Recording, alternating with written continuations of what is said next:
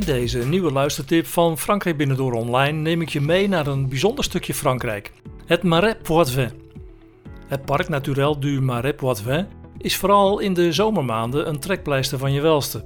En de Fransen komen dan in grote getalen naar dit bijzondere moeras niet ver van Niort. Daardoor werd ik nieuwsgierig en besloot ook maar eens naar het Marais Poitevin te gaan. Nu heb ik het niet zo op een vakantie bij een moeras, omdat je dan meestal ook veel last van muggen hebt.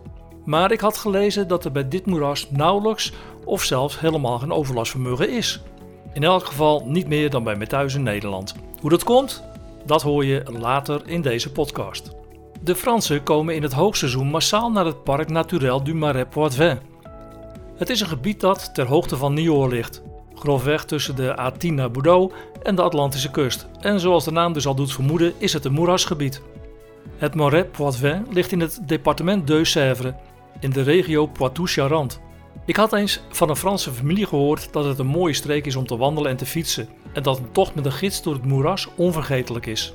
De regio Poitou-Charentes kenmerkt zich normaal gesproken door veel zonuren, wat 2200 per jaar, en is daarmee een van de meest zonnige streken van Frankrijk na de Provence. In de maanden juni, juli en augustus is het over het algemeen ook droog, dus een goed alternatief voor een zonnige vakantie. In Poitou-Charentes gaan trouwens de meeste vakantiegangers richting de kust, zoals bijvoorbeeld de streken tussen La Rochelle en de monding van de Loire en of de Gironde. Maar ook de eilanden zoals Oloron en Ile de Ré zijn aantrekkelijke bestemmingen voor de zomervakantie. La Rochelle is overigens een topbestemming om er eens een paar dagen naartoe te gaan. Maar als je naar het Marais de Poitevin gaat, dan zit je maar op een uurtje afstand, dus een dagtrip kan dan ook. Trouwens, de mooie stranden van de Vendée liggen ook maar op een uurtje rijden met de auto. Dus als je met vakantie naar de Vendée gaat, is het de moeite waard om ook eens een dag naar het Marais de Poitevin te gaan. Het moeras tussen de Atlantische Oceaan en Niort is ruim 60.000 hectare groot en een landschap met veel contrasten. Ik ben er zelf ruim een week geweest en had aan de rand van het Marais een authentiek vakantiehuis gehuurd in het dorpje Magné. Mijn ervaring deel ik graag met je. Luister je mee? Tussen het dorp Damvix en de Atlantische Oceaan ligt het zogenaamde droge moeras. De Fransen noemen dit het Marais desséché. Het is een vlak landschap met leuke dorpjes die voornamelijk in het departement Vendée liggen. En je kunt er heerlijk fietsen op veel rustige wegen en fietspaden. Er zijn ook diverse fietsroutes, zoals een mooie bewegwijzerde route die van de baai van L'Aiguillon richting Niort gaat en die op diverse punten weer overgaat in kleinere lokale routes. Mogelijkheden te over dus om mooie fietstochten te maken. Maar ook voor wandelaars valt er veel te genieten in dit gebied. Ben je een natuurliefhebber? Dan kun je in deze streek je hart ophalen aan een bijzondere natuur die je niet snel op andere plaatsen in Frankrijk zult terugvinden.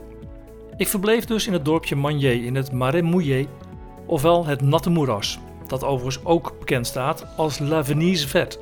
Het groene Venetië is een benaming die klopt als een bus. Ik heb in de week dat ik er was zelden zoveel kleuren groen gezien. Bij de voorbereiding voor mijn verblijf had ik dus maatregelen genomen tegen de muggen, ondanks dat mij al eens was verteld dat die er nauwelijks voorkomen. Nou, de muggenstift en de date heb ik echter niet gebruikt. Het ecologisch evenwicht in het moeras is blijkbaar zo goed dat talloze libellen ervoor zorgen dat muggen er niet de overhand krijgen. Het moeras heeft nauwelijks stilstaand water en dat komt omdat vele kanalen onderling verbonden zijn met sluizen en sluisjes. Ook het water van de rivier Sèvres Niortaise stroomt via het moeras langzaam richting de Atlantische Oceaan. Het moeras ligt trouwens grotendeels in de verzande oude Golfe de Pictillon. De door mensenhanden uitgegraven kanalen zijn circa 16.000 kilometer lang. En Nederlandse monniken hebben er ooit bij geholpen. Toch is verdwalen bijna onmogelijk, want alle kanalen hebben een naam en zijn in kaart gebracht.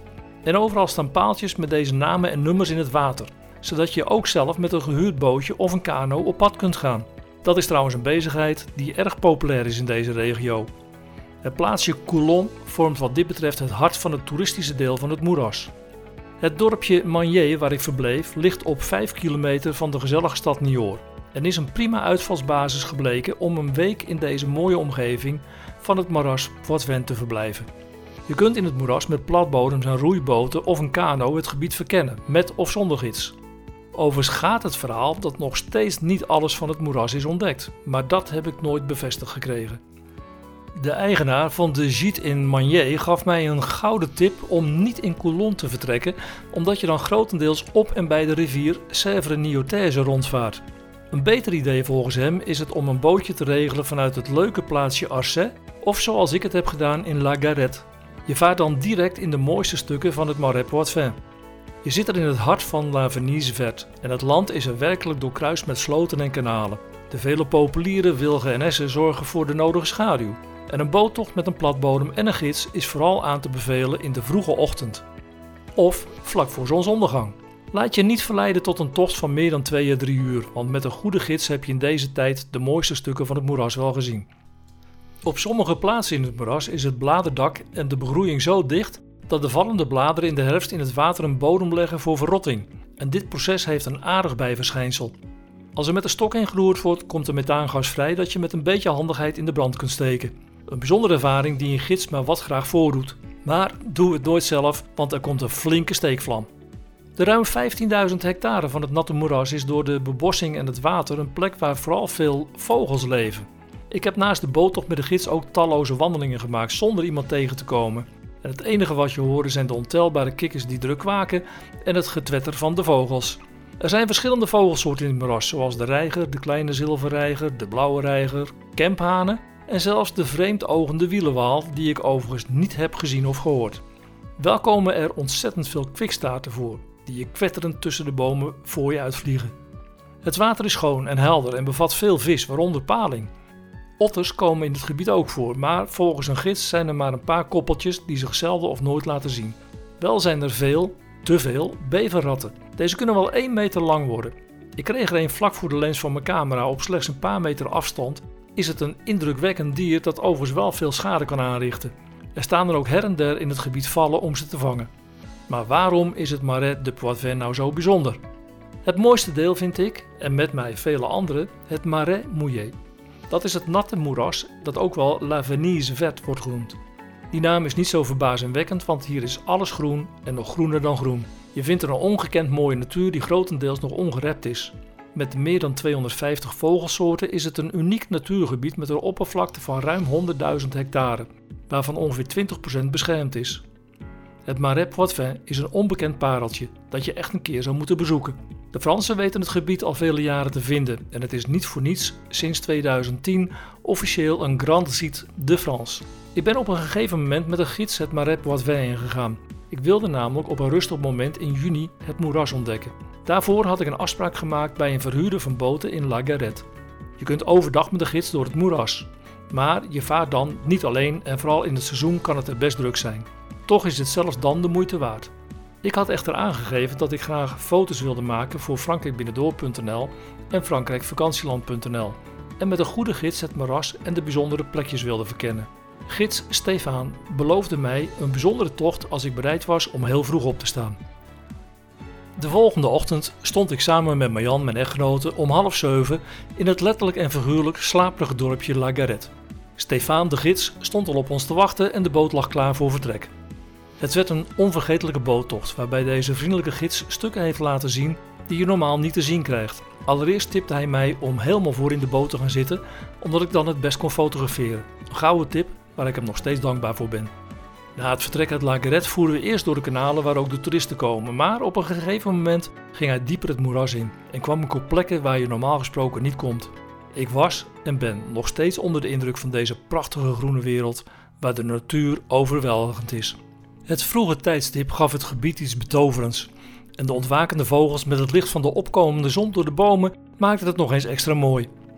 Op een gegeven moment stuurde de gids de platbodem een rustige kreek in waar we bleven liggen. Hier vertelde hij mij dat door de grote hoeveelheid libellen in het moeras het aantal muggen laag was.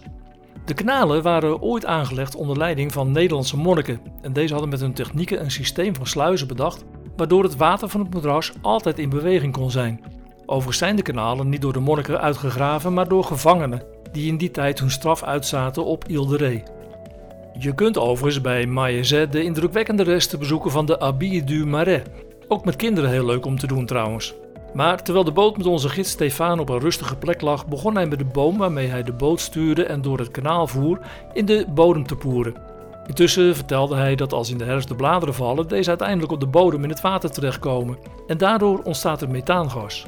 En hij gaf aan dat ik klaar moest zitten met de camera om een foto te maken terwijl hij naar voren boog, zijn aansteker pakte en een enorme steekvam schoot uit het water omhoog. Hij schrok er zelf van en brandde bijna zijn handen. Kortom, probeer dit dus nooit zelf. Even later voeren wij weer rustig door het moeras op weg naar La Garette, waar ik rond 9 uur aankwam terwijl de eerste toeristen daar in de bootje stapten.